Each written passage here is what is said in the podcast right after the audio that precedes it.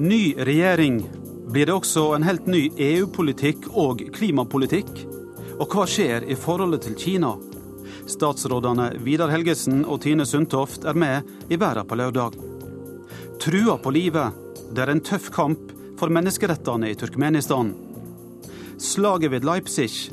Det er 200 år i dag siden Napoleon ble nedkjempa. Og presidenten i Kenya håper at rettssakene mot, mot han blir utsatt. Korrespondentbrevet det kommer denne veka fra Arnt Stefansen i Berlin.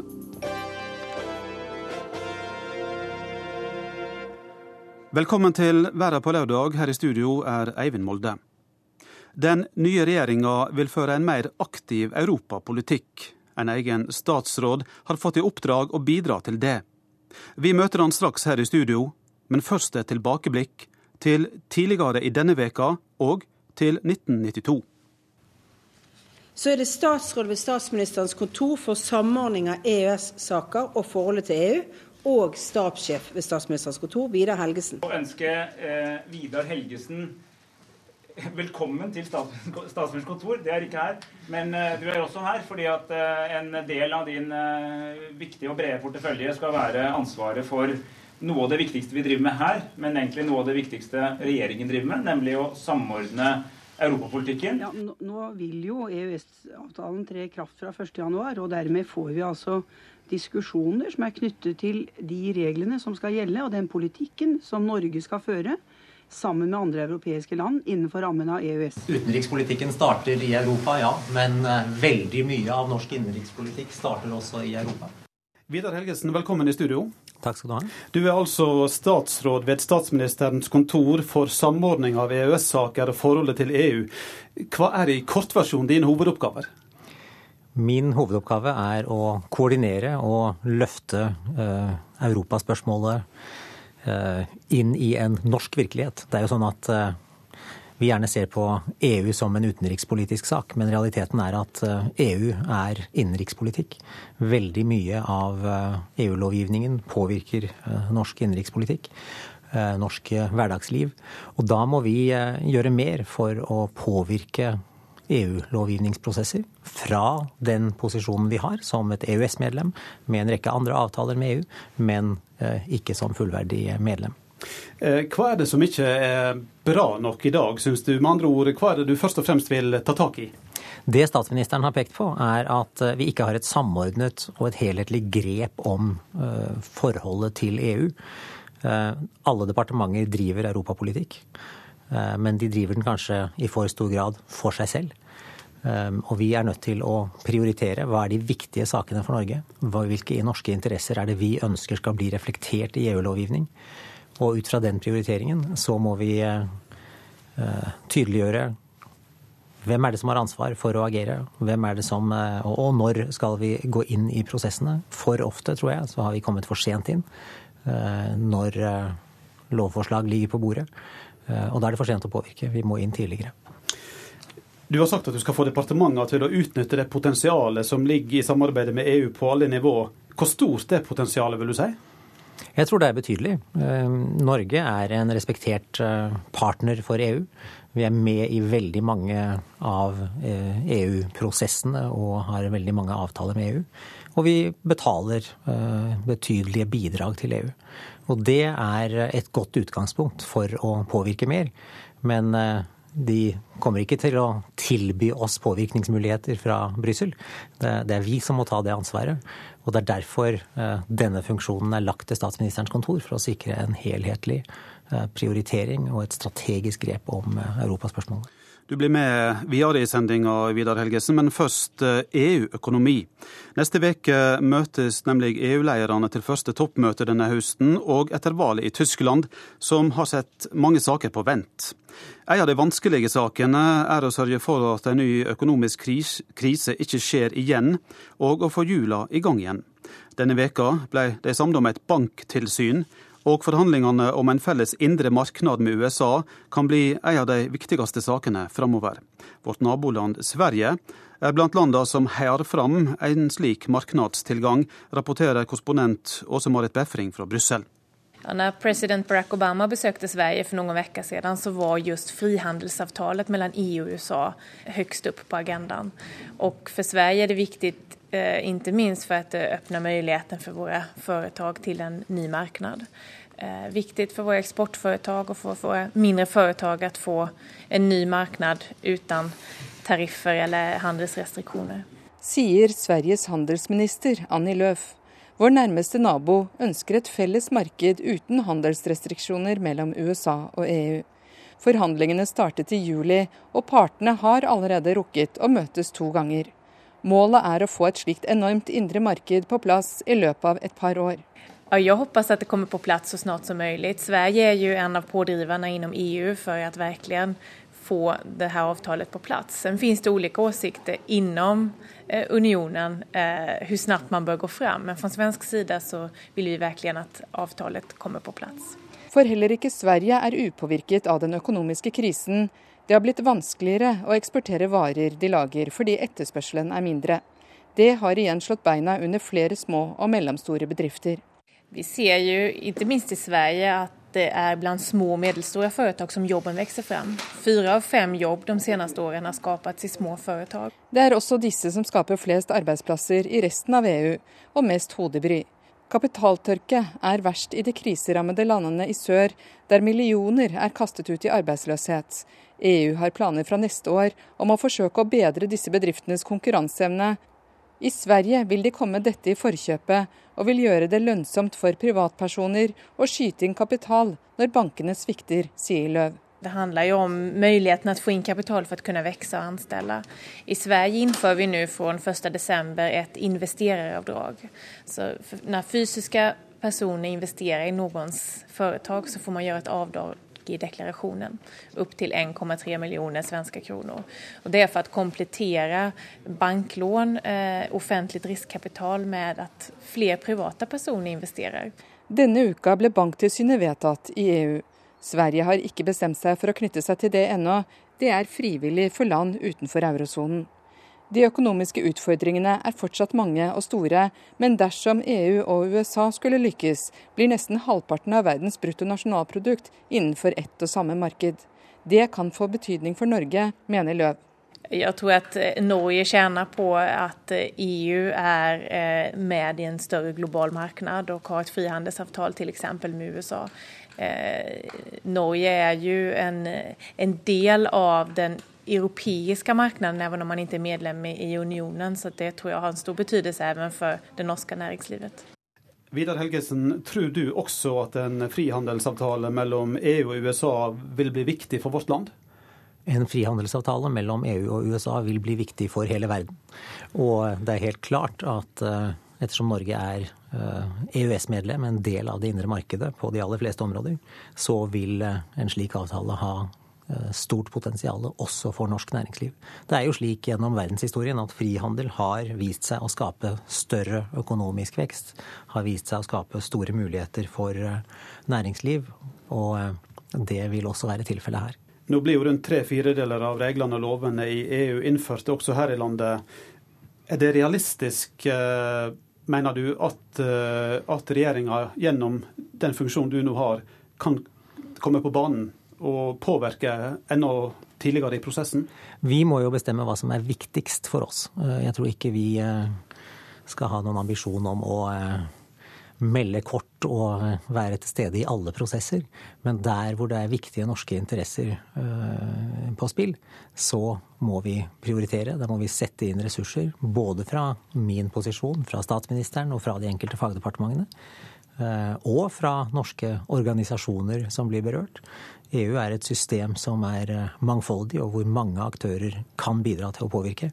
Og Derfor er det viktig at vi blir et eh, lag fra norsk side her, både av eh, offentlige myndigheter, private aktører, frivillige aktører, som bidrar til å påvirke EU-prosessene. Hvor viktig vil du si at EU e egentlig er for landet vårt? Det er veldig viktig. Vi mottar en rekke rekke eh, lover og regler fra EU som eh, blir implementert, som blir iverksatt i Norge. Som får betydning for norske bedrifter og for nordmenn i hverdagen. Vi er kanskje ikke så oppmerksom på det fordi vi ikke er medlem. Eh, og medlemskapsspørsmålet står jo ikke på, på dagsorden, men det er likevel viktig at vi forstår hvor viktig EU er, og at vi mobiliserer sånn at vi kan påvirke og fremme norske interesser i EU-prosessene. Og jeg tror at vi har et, en, et stykke å, å, gå der for å skape den forståelsen for hvor mye av det norske samfunn som faktisk uh, gjennomsyres av EU. Men Skal du da mobilisere fram mot et forsøksvis et ja i en eventuell folkeavstemning som måtte kunne komme? Vi styrer på basis av EØS-avtalen og på basis av alle andre avtaler vi har med EU. Vi har ikke på agendaen å eh, mobilisere for noen folkeavstemning. Eh, det vi ser på som viktig, er med basis i den posisjonen Norge har i forhold til EU nå, å gjøre mer for å styrke norske interesser og fremme norske interesser i eh, EU-sammenheng. Norsk utenrikspolitikk og regjeringsskifte er fremdeles tema her i verden på lørdag. Onsdag fikk eh, som kjent Norge en utenriksminister, Børge Brende. Han er nok den norske politikeren som har flest personlige kontakter helt til topps i kommunistpartiet og statsledelsen i Kina. Og Nå håper både norske forretningsfolk og diplomater i Beijing at han skal klare å varme opp det iskalde forholdet mellom Kina og Norge. Børge Brende er åpenbart et riktig valg som utenriksminister. Slik lyder det unisont fra både norske forretningsfolk og diplomater her i Kinas hovedstad Beijing. De lengter etter en vårløsning i forholdet mellom våre to land. Kinas kommunistiske regjering har vært forbannet og snurt i tre år, siden oktober 2010. Da annonserte Torbjørn Jagland at den fengslede demokratiforkjemperen Liu Xiaobo skulle få Nobels fredspris. Kinesiske myndigheter hadde i lang tid drevet aktiv lobbyvirksomhet, bl.a. overfor NRKs korrespondent, for å hindre en slik tildeling. Da de mislyktes, svarte de med å fryse alle offisielle forbindelser til Norge. Ingen norske politikere fikk lenger møte noen kinesiske motparter, den norske ambassadøren ble fullstendig isolert, og NRKs hjemmeside nrk.no ble forbudt etter Nobelseremonien 10.12.2010. Store norske firmaer som Statoil og Det Norske Veritas fikk etter hvert problemer med å utvide virksomheten i Kina, og eksporten av norsk laks til landet ble sterkt begrenset. Men ellers gikk ikke den offisielle boikotten så sterkt utover norske næringsinteresser i Kina, selv om mange firmaer valgte å ligge svært lavt i å profilere at eiere eller ledelse satt i Norge. Nå håper norske forretningsfolk i Kina at den nye utenriksministeren skal kunne løse opp i de politiske og diplomatiske flokene i forholdet til Kina, slik at det skal bli lettere å være norsk i Midtens rike. En normalisering av forholdet før man i 2014 skal feire 60-årsjubileet for diplomatiske relasjoner mellom Norge og Kina, vil kunne være et diplomatisk kupp for Brende, sier Chris Rynning til NRK. Han er sjef i investeringsselskapet Origo Partners, som er registrert på børsen i London, men har sitt hovedkontor i Beijing. At Norge ikke er i dialog med verdens nest største økonomi, er meget beklagelig for både norsk og kinesisk næringsliv. Kina bør være første stopp for Brende, sier Rynning. Børge Brende er trolig den nordmannen som har best forbindelser til de kinesiske topplederne. Alt i 2002, da han satt i Bondevik II-regjeringen som miljøvernminister, ble han bedt av kineserne om å gi dem råd i miljøspørsmål, som internasjonalt medlem av det regjeringsoppnevnte China Council for International Cooperation on Environment and Development. I 2007 rykket Brende opp som nestleder i dette miljørådet, med Li Keqiang som leder. Li ble i mars i år statsminister i Kina, og han er rangert som nummer to i kommunistpartiet, etter generalsekretær Xi Jinping, som også er Kinas president. Nå er det en annen toppleder, Zhang Gaoli, som leder Miljørådet. Han er visestatsminister og medlem i kommunistpartiets øverste organ, den faste komité i sentralkomiteens politbyrå. Det vil si at Brende dermed kjenner personlig to av de mektigste sju personene i Kina, en gruppe som i prinsippet kan bestemme det meste. I sommer hadde forrige utenriksminister Espen Barth Eide et utspill i Dagens Næringsliv. Han sa det var en forståelse mellom den norske og den kinesiske utenriksministeren om at forholdet mellom Norge og Kina nå snart kunne bedres. Etter den artikkelen forsvant visstnok forståelsen som dog for morgensola, for situasjonen forble like fastlåst som den har vært siden oktober 2010.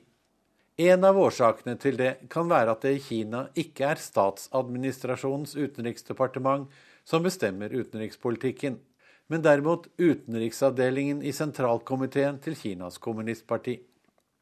Her kan man gjøre helt andre maktpolitiske vurderinger enn hos diplomatene, som jo gjerne vil ha et godt forhold til så mange land som mulig.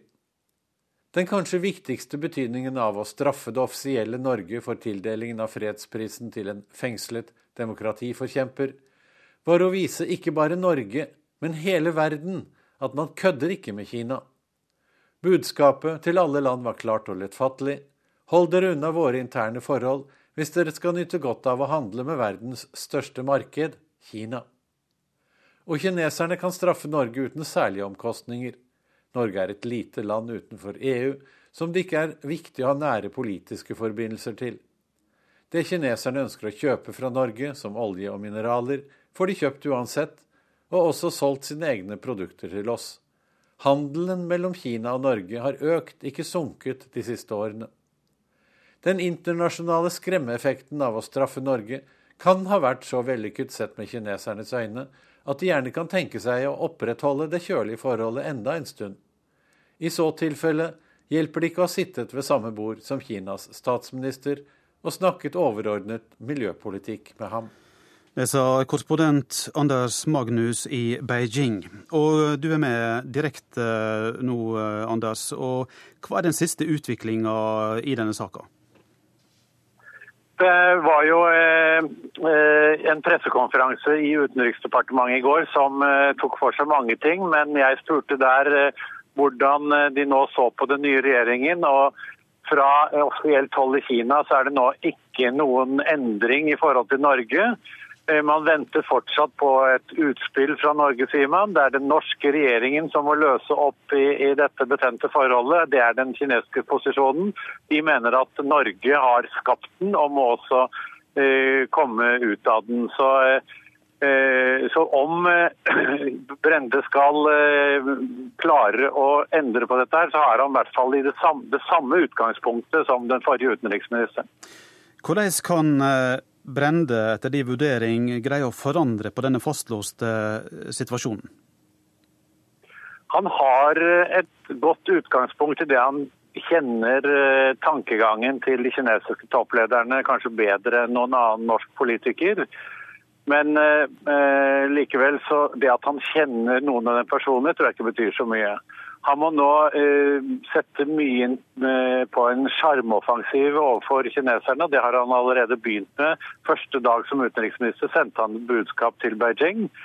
Men han må også komme med konkrete utspill om uh, tilbud fra Norge. Og det kan jo være tilbud som har med handel, med energi, med miljøpolitikk å gjøre. Sånn, sånn at kineserne forstår at man i, på en måte legger seg litt flat og kommer med en slags gave eh, fra Norges side for eh, å vise at man eh, eh er underdanig og eh, tar eh, denne store nasjonen i betraktning, at det er Kina som er størst og Norge er bare et lite land. Til slutt, du sa det er faktisk ingen endring i dette. Hvorfor er det så vanskelig? Hvorfor tar det så lang tid?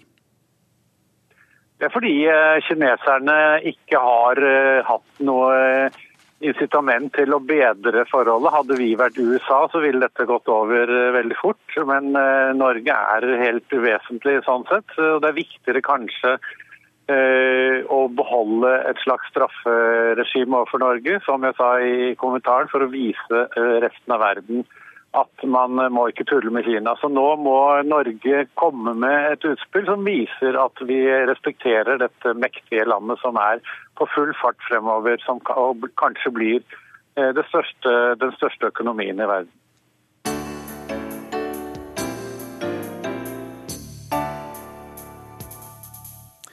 Hun er blitt trua på livet og har mista jobben men Natalia Sjabunds fra Turkmenistan lar seg likevel ikke stanse i kampen for menneskeretter. Denne veka var hun i Oslo for å fortelle norske styresmakter om hva som går føre seg i et av de mest lukka landa i verden.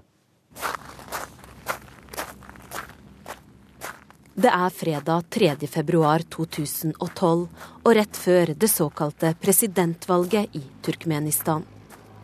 Natalia Shabunts er på vei hjem. Hun har nettopp blitt intervjuet av radiostasjonen Asatlyk. Der har hun snakket rett fra hjertet og fortalt om menneskerettighetsbrudd og maktmisbruk blant myndighetene. I motsetning til de fleste kritikerne av regimet har hun også stått frem med fullt navn. Tanken er at det er tryggere. Jo flere som vet hvem hun er, desto vanskeligere er det for regimet å kvitte seg med henne, tenker hun. Idet hun nærmer seg sin egen inngangsdør, ser hun det. Et avkappet og blodig sauehode ligger på trappa.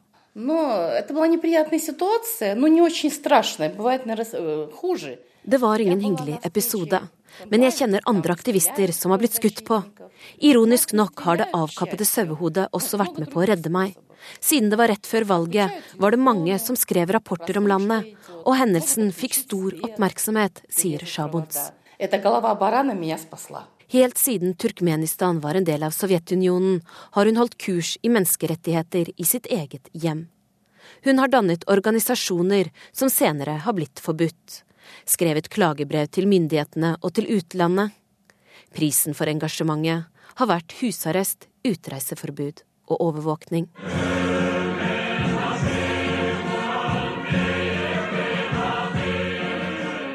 Turkmenistan er et av verdens mest lukkede land. Alle medier er under regjeringens kontroll.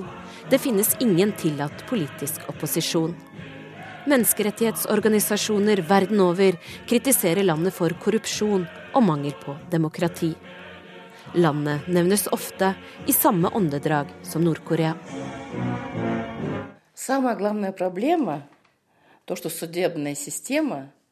Det største problemet er rettssystemet. Alt handler om penger. Den som betaler mest, er den som får rett. Hele statssystemet er basert på straff og usikkerhet. Ingen er trygge, sier Shabunts. Nå er hun i Oslo for å fortelle om situasjonen i landet til norske myndigheter. Turkmenistan er nemlig ikke langt vekk i stand for Norge. Statoil ønsket å komme inn i gassbransjen i landet, og åpnet i 2009 et representasjonskontor i hovedstaden. Shabuns har bedt om å få møte oljeselskapet i Oslo, men har ikke fått svar. Til NRK sier selskapet at de ikke lenger har noen aktivitet i landet.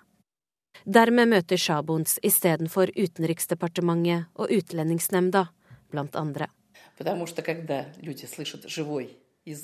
Det er viktig at en som enn så lenge lever, forteller om situasjonen. Da kommer budskapet frem på en annen måte enn gjennom skriftlige rapporter, sier hun. Etter møtene går turen hjem til Ashgabat. Kampen mot overgrep kan kun kjempes innenfra, mener Shabuns, som ikke har planer om å flytte. Hun føler seg aldri trygg, men kallet er viktigere enn egen trygghet. Selvfølgelig er jeg redd. Jeg er et vanlig menneske som alle andre, og denne jobben gir meg mye depresjon. Jeg håper at Turkmenistan blir et samfunn der menneskerettigheter blir respektert. Ingen er født diktatorer, men man blir diktator når man får holde på slik man vil uten å bli irettesatt av verken organisasjoner eller andre stater, sier hun og legger til kanskje hadde det vært lettere hvis vi ikke hadde vært så rike på gass. Reporter Guri Nordstrøm.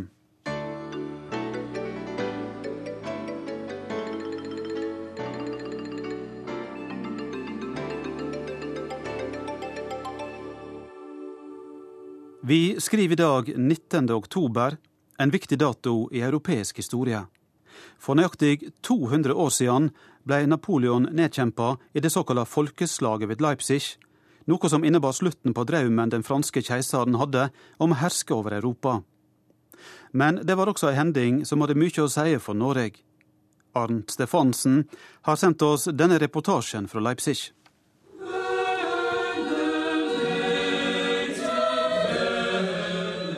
Det er årets begivenhet her i Leipzig, og hele denne uken har store arrangementer preget byen. Konserter, konferanser, utstillinger og mye annet. Folkeslaget ved Leipzig for 200 år siden endret Europa. Og de grusomme hendelsene den gang har etterlatt en arv som fortsatt er viktig for byens innbyggere. Jeg tror at Leipziger sehr verbunden sind mit dem Andenken an die Völkerschlacht. Jeg tror at folk her i byen har et sterkt forhold til folkeslaget, sier den 62 år gamle Friedrich Agner fra Leipzig. Alle monumentene vi har reist til minne om dette, alle historiene som har gått i arv i familiene, og alt det som er skrevet og sagt om dette slaget, gjør at vi ikke glemmer, selv om det nå er svært lenge siden. Det er en del av vår sjel og vår mytos, sier han.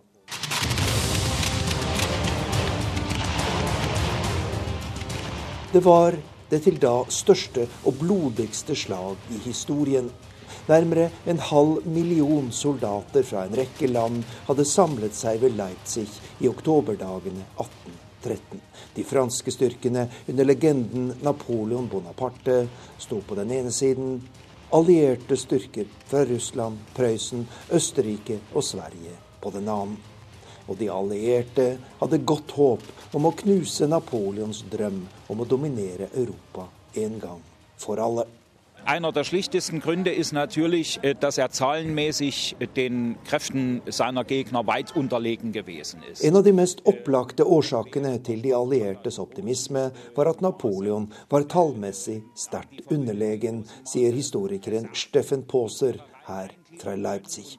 I det katastrofale felttoget i Russland hadde han mistet de fleste av sine beste soldater, slik at hans en gang så stolte Grand Armé var kraftig svekket. En annen viktig årsak var at Napoleons motstandere hadde lært av hans måte å føre krig på, slik at de ikke så lett lot seg overraske av hans geniale trekk på slagmarken, sier eksperten.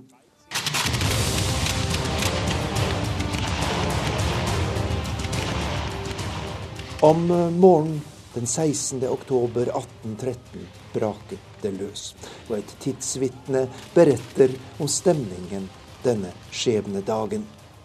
Like før slaget startet, klarnet det opp etter dager med kaldt regn. Det var som om sola ville kaste et siste lys over alle dem som skulle oppleve sin siste dag her på jorda. Og tapene var fryktelige.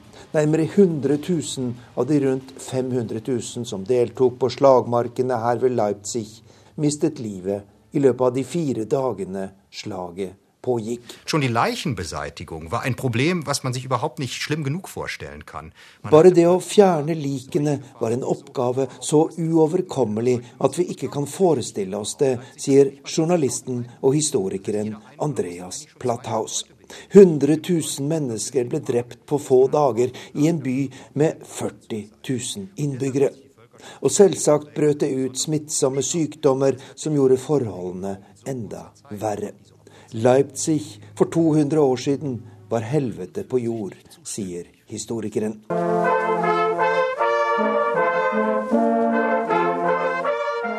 Den 19. oktober var folkeslaget over.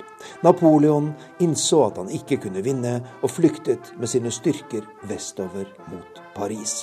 Grunnlaget var lagt for et nytt Europa og for den senere samlingen av Tyskland. Men det som skjedde her ved Leipzig høsten 1813, var også det europeiske forspillet til Norges uavhengighetskamp, og til at vi fikk vår grunnlov i 1814. Sverige var nemlig blitt lovet å få Norge som krigsbytte etter en seier over Napoleon, noe som skjedde under freden i Kiel i januar 1814. Minnene om et grusomt slag og løfter om fred og forsoning har preget det store jubileet her i Leipzig denne uken. Og i morgen deltar 6000 unge europeere i en rekonstruksjon av folkeslaget. En tragedie som innbyggerne i denne byen aldri glemmer.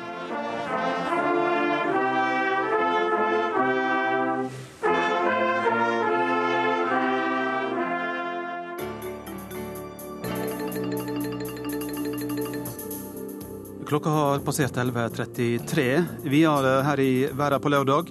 Muammar Gaddafis fall. Denne helga er det to år siden det skjedde.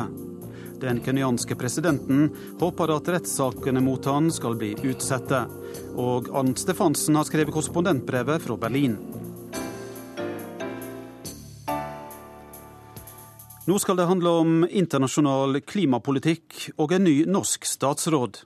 Men først noen inntrykk fra de store internasjonale klimatoppmøtene siste åra. Fra København i 2009 via Mexico og Sør-Afrika til Qatar i fjor. As the world watches us today, I think our ability to take collective action is in doubt right now. Too much uh... Uh, promises and all that things, not just to the point. We just need the kick, we need the action. Det har vært framgang i noen av de gruppene som har jobbet i natt, stillstand i andre. Og så får vi se utover dagen. Muligheten er der, men uh, mange skal bøye viljene for at det kan lykkes. Nå er Baust med et nytt forslag som ble uh, lagt fra midnatt. og det er nok sikkert at vi ser soloppgangen før vi er ferdig. Jeg har stor tro på at vi skal få det til. Vi gjort stor framgang på Kyoto 2-avtalen. Det er veldig mye uavklart. og At det blir overtid, det føler jeg meg nesten sikker på allerede. Tine Sundtoft, velkommen i studio. Tusen takk. Som eh, klima- og miljøvernminister har du naturlig nok store utfordringer framfor deg, både i norsk politikk eh, og også internasjonalt. Hva ser du som den største utfordringa for deg i det internasjonale klimaarbeidet? Jeg drar allerede til tirsdag for, eh, til København for møter om hvordan vi skal finansiere tiltak for utslippsreduksjoner og tilpasninger til klimaendringer. Og Det er jo et viktig møte på vei til Warszawa-møtet i november. Så her eh, er det bare å komme i gang med et veldig viktig arbeid. Ser du de internasjonale utfordringene som store og viktige for deg opp mot det du skal gjøre internt i vårt eget land i norsk politikk? Ja, definitivt. Eh, Norge er i en unik posisjon. Vi er blitt et rikt land grunnet olje og gass. Den samme olja og gassen er en miljøutfordring. Derfor påhviler det Norge et ekstra stort ansvar for å løse klimautfordringen. Og Vi har fått en brobyggerrolle i det arbeidet, og det har jeg til hensikt å følge opp videre. Ja, Hva rolle mener du at uh, Norge bør spille i arbeidet fram mot en ny uh, internasjonal klimaavtale? Hva er din ambisjon? Ambisjonen er at vi skal være til stede i alle de fora der viktige spørsmål diskuteres. Det å ta med den kompetansen vi har inn i dette. Vi blir anerkjent av andre land for å ha gode ideer. Derfor blir vi invitert med, og der skal vi være. Hva ser du som de største utfordringene på veien fram mot en ny internasjonal eh, klimaavtale? Hva, hva er de største hindringene for å få det til? Den største hindringen er vel å få med alle landene. Og det å få en forståelse for å fordele byrdene. Også å få med de landene som ikke har hatt den samme økonomiske utviklingen som eh, Norge har hatt, som nå føler det litt urettferdig at de må inn og ta mye ansvar for eh, klimautfordringene. Og Spesielt USA har vært veldig tydelig på at alle må være like bundet. Så her er det mange samtaler internasjonalt om å få med alle, fordi at det er en global utfordring å få gjort noe med dette. Du nevnte sjøl konferansen i, i, Warszawa, den neste store internasjonale klimakonferansen. altså, og Nå er det da to år fram til en ny avtale skal være klar i 2015. Tror du på en avtale i Paris i 2015? Per i dag så har jeg tro på en avtale i Paris i 2015, men vel så viktig er det på vei til den avtalen som da først vil tre i kraft i 2020, er det jo å, å få til handling nå. Også ta det jeg kan kalle kanskje førstehjelp innenfor dette. Det å se på de kortlivede klimadriverne, som sot, metan og kjølegasser, som det går an å gjøre noe med nå. Så vi må ikke bare sitte og vente på de store prosessene og avtalene som skal tre i kraft om syv år. Vi må også gjøre en del konkrete ting nå. Så Jo mer vi gjør på konkrete ting og viser at vi får dette til, jo lettere er det også kanskje å få forståelse for de lengre avtalene. På hva måte kan vårt land være et, et eh, forbilde? Vi kan være et forbilde med å ta i bruk den førstehjelpen jeg nå akkurat uh, definerte. Og, og, og, og, vise at vi både skal forhandle, men vi skal også handle på det vi kan gjøre noe med nå. Du nevnte sjøl at du kommende uke skal til København og diskutere hvordan en skal få inn penger til det grønne klimafondet. og Målet er jo altså 100 milliarder dollar i året til klimatilpasning og utslippsreduksjoner i fattige land innen 2020. Det står jo litt dårlig til med økonomien i mange land. Tror du at disse pengene vil komme på bordet? Eh, det er jo et nytt fond det er en god idé der Norge sitter i styret. Vi er optimister på at det er mulig at eh, fondet kan ta imot noen penger i 2014. Men som du sier, eh, det er mange land i verden som er dårligere stilt økonomisk enn det Norge, så det er jo ikke noe enkelt løp, det heller. Regjeringa vil eh, videreføre satsinga på å bevare regnskogen. Hvorfor er dette en god måte å bruke penger på? Jeg tror det er en ganske konkret måte å bruke penger på som gir resultater.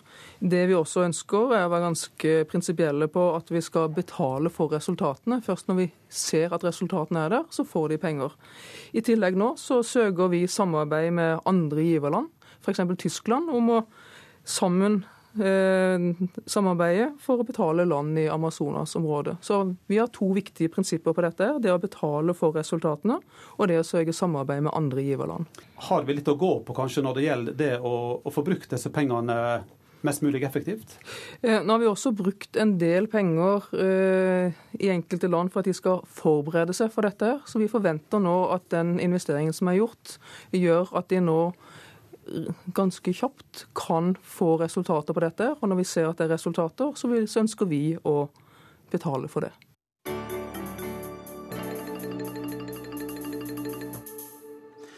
I Kenya håper nå president Uhuru Kenyatta at Tryggingsrådet i FN skal be Den internasjonale straffedomstolen i Haag om å utsette rettssakene mot han og visepresidenten William Ruto. Begge er tiltalte for brotsverk mot mennesker, men sist helg vedtok Den afrikanske unionen en resolusjon der de ber Tryggingsrådet om å gripe inn og få utsatt straffesaker mot de to. Afrikakorrespondent Lars Sigurd Sunnanå rapporterer fra Nairobi.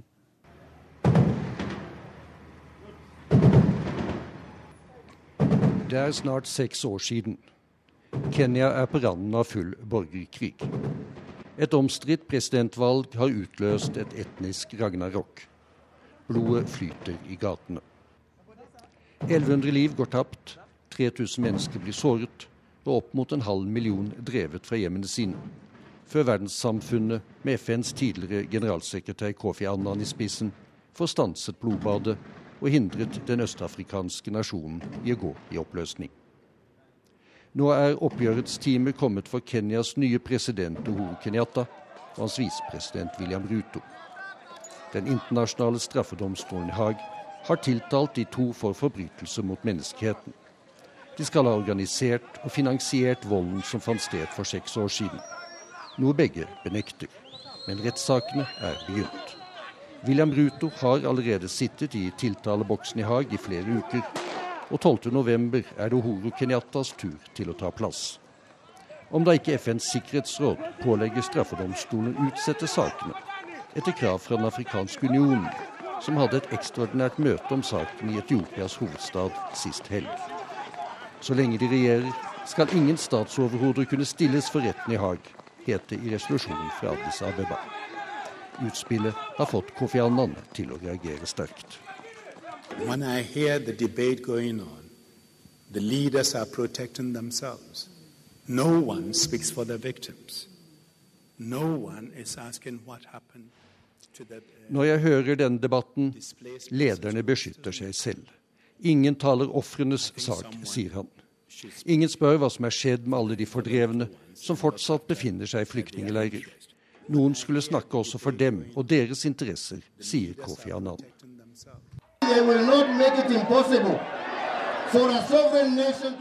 De vil ikke klare å gjøre det umulig for oss å styre denne uavhengige nasjonen, sier Uhuru Kenyatta til jublende tilhengere.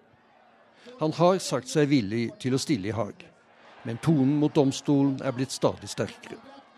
Nå venter han på Sikkerhetsrådets avgjørelse om utsettelsen av straffesaken mot ham. Men Jonio Moe, en av Kenyas fremste eksperter på internasjonal rett, tror ikke rådet vil gi etter for kravet fra Den afrikanske union.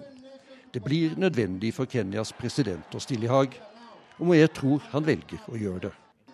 I think he will appear for the simple reason that um, uh, the president uh, would not want to have the summons under which he's um, been appearing uh, in court uh, translated to an arrest warrant, because that will Han vil ikke risikere at domstolen utsteder en arrestordre om han ikke kommer.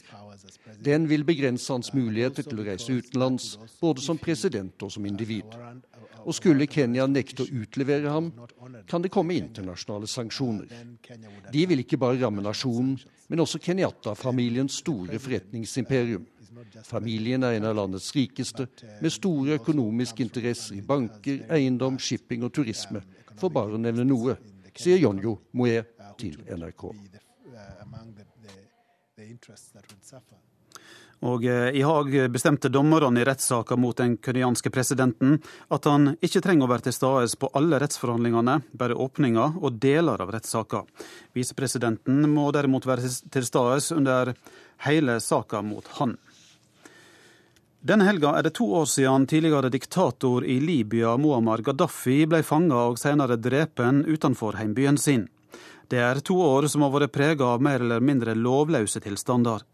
Nå er nesten hver tiende arbeidsføre libyer tilknyttet av de mange militsgruppene i landet, og menneskesmuglere opererer ganske fritt langs middelhavskysten, der de sender fattige og desperate afrikanere og syrere over til Europa i små og overfylte båter.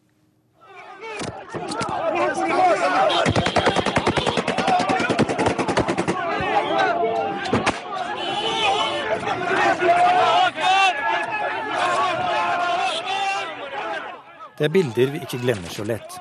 En blodig Muammar Gaddafi blir slept ut av et rør i fødebyen Sirk. Mens menneskemengden slår og dytter den falne og forhatte diktatoren. Og nyheten spredde seg rundt verden umiddelbart. The Reuters news agency is reporting, quoting an official from the Libyan National Transitional Council, that the former Libyan we are leader. covering the very latest from Libya, where in the last hour or so, uh, reports have been circulating, reports that are still unconfirmed uh, by the BBC, but reports that Colonel Gaddafi, Libya's former leader, uh, may have been captured or even killed. Den 20. oktober er det to år siden Libyas sterke mann gjennom 40 år ble fanget og senere drept. To år som har vært preget av mer eller mindre lovløse tilstander i det oljerike nordafrikanske landet. Nå er nesten hver tiende libyer knyttet til en av landets mange militsgrupper, og de stoler verken på hverandre eller på regjeringen, sier Libya-kjenner og professor ved Universitetet i Bergen, Knut Vikør. For det første altfor mange unge menn med våpen som ikke er i produktivt arbeid. Det er jo en slags skytt arbeidsløshet på en måte.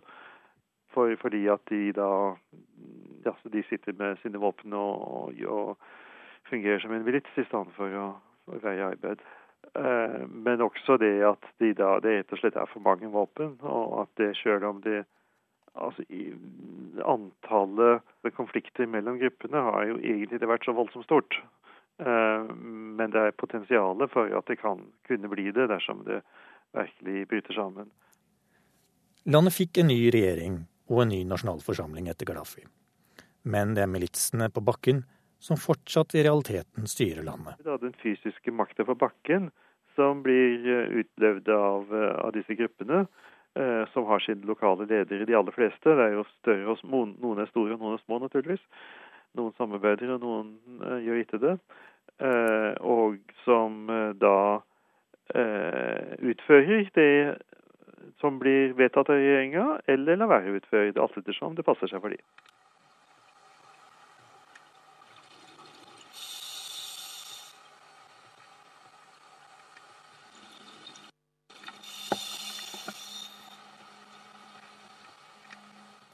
På nesten 50 meters dyp ligger et annet resultat av det libyske kaoset. For minst 1000 euro kan desperate flyktninger få plass på en av de overfylte og utrygge båtene som seiler over Middelhavet fra kysten av Libya. De to siste ukene alene har mer enn 400 mennesker mistet livet etter at båtene de var om bord på, sank. Eh, veldig mye av dette er jo da eh, skyld i at eh, den situasjonen i Libya er nå svært ustabil. Det er ulike militsgrupper som kontrollerer ulike områder. Og, og store flyktninggrupper som befinner seg i Libya, finner seg også i en veldig vanskelig sikkerhetssituasjon. Eh, vi hørte jo intervju med de som overlevde eh, dette fartøyet som gikk ned utenfor Malta eh, bare for noen uker siden. Og så fortalte at de hadde betalt 1000 dollar til smuglerne hver. Og at de til og med var blitt beskutt når de la ut fra land eh, pga. uenighet mellom ulike, ulike smuglergrupper. Så dette jo eh, det, Dette er jo et bilde på den ekstremt vanskelige situasjonen eh, disse menneskene er i. Det sier Rikard Skretteberg, seniorrådgiver i Flyktninghjelpen.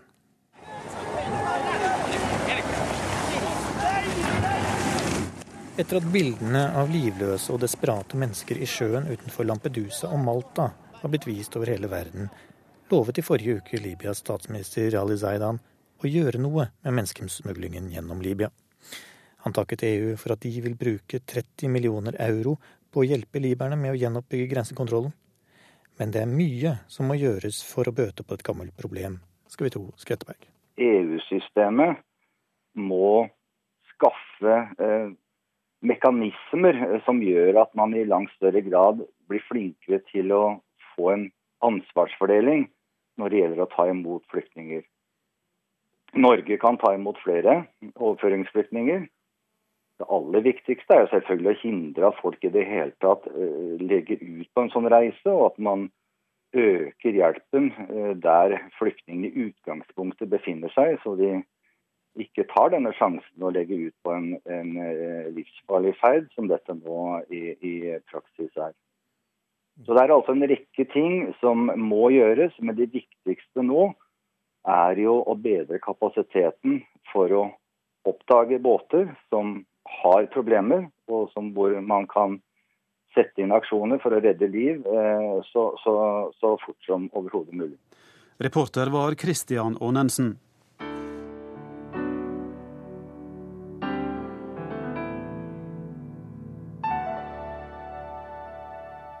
Vi er framme ved korrespondentbrevet.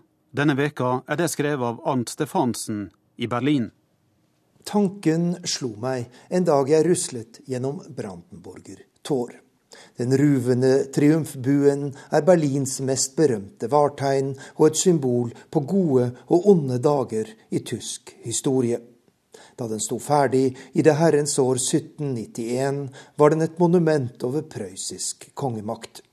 Men bare 15 år senere ble den et symbol på den selvsamme kongemaktens fallitt, da Europas nye hersker, keiser Napoleon, erobret Berlin og tok med seg kvadrigaen, det flotte kunstverket på toppen av monumentet, som krigsbytte til Paris. Figuren kom riktignok tilbake da Napoleon var beseiret, men for Brandenburger Tor ventet nye, dystre opplevelser på historiens vei. I januar 1933 feiret Adolf Hitler og hans nasjonalsosialister sin maktovertakelse med et fakkeltog gjennom Brandenburger Tor, og de flakkende lysene og de taktfaste ropene 'Deutschland, Deutschland' fra de triumferende nazistene vil for alltid være en del av monumentets historie. Under den kalde krigen fikk triumfbuen på Pariserplass en ny symbolikk, som porten mellom det frie Vest-Berlin og det kommunistiske øst. Og jeg nærmer meg nå raskt poenget. Da Berlinmuren ble bygget i august 1961, ble Brandenburger Tor den mest kjente delen av det forhatte byggverket. Selve symbolet på ufrihet, som noen uttrykte det.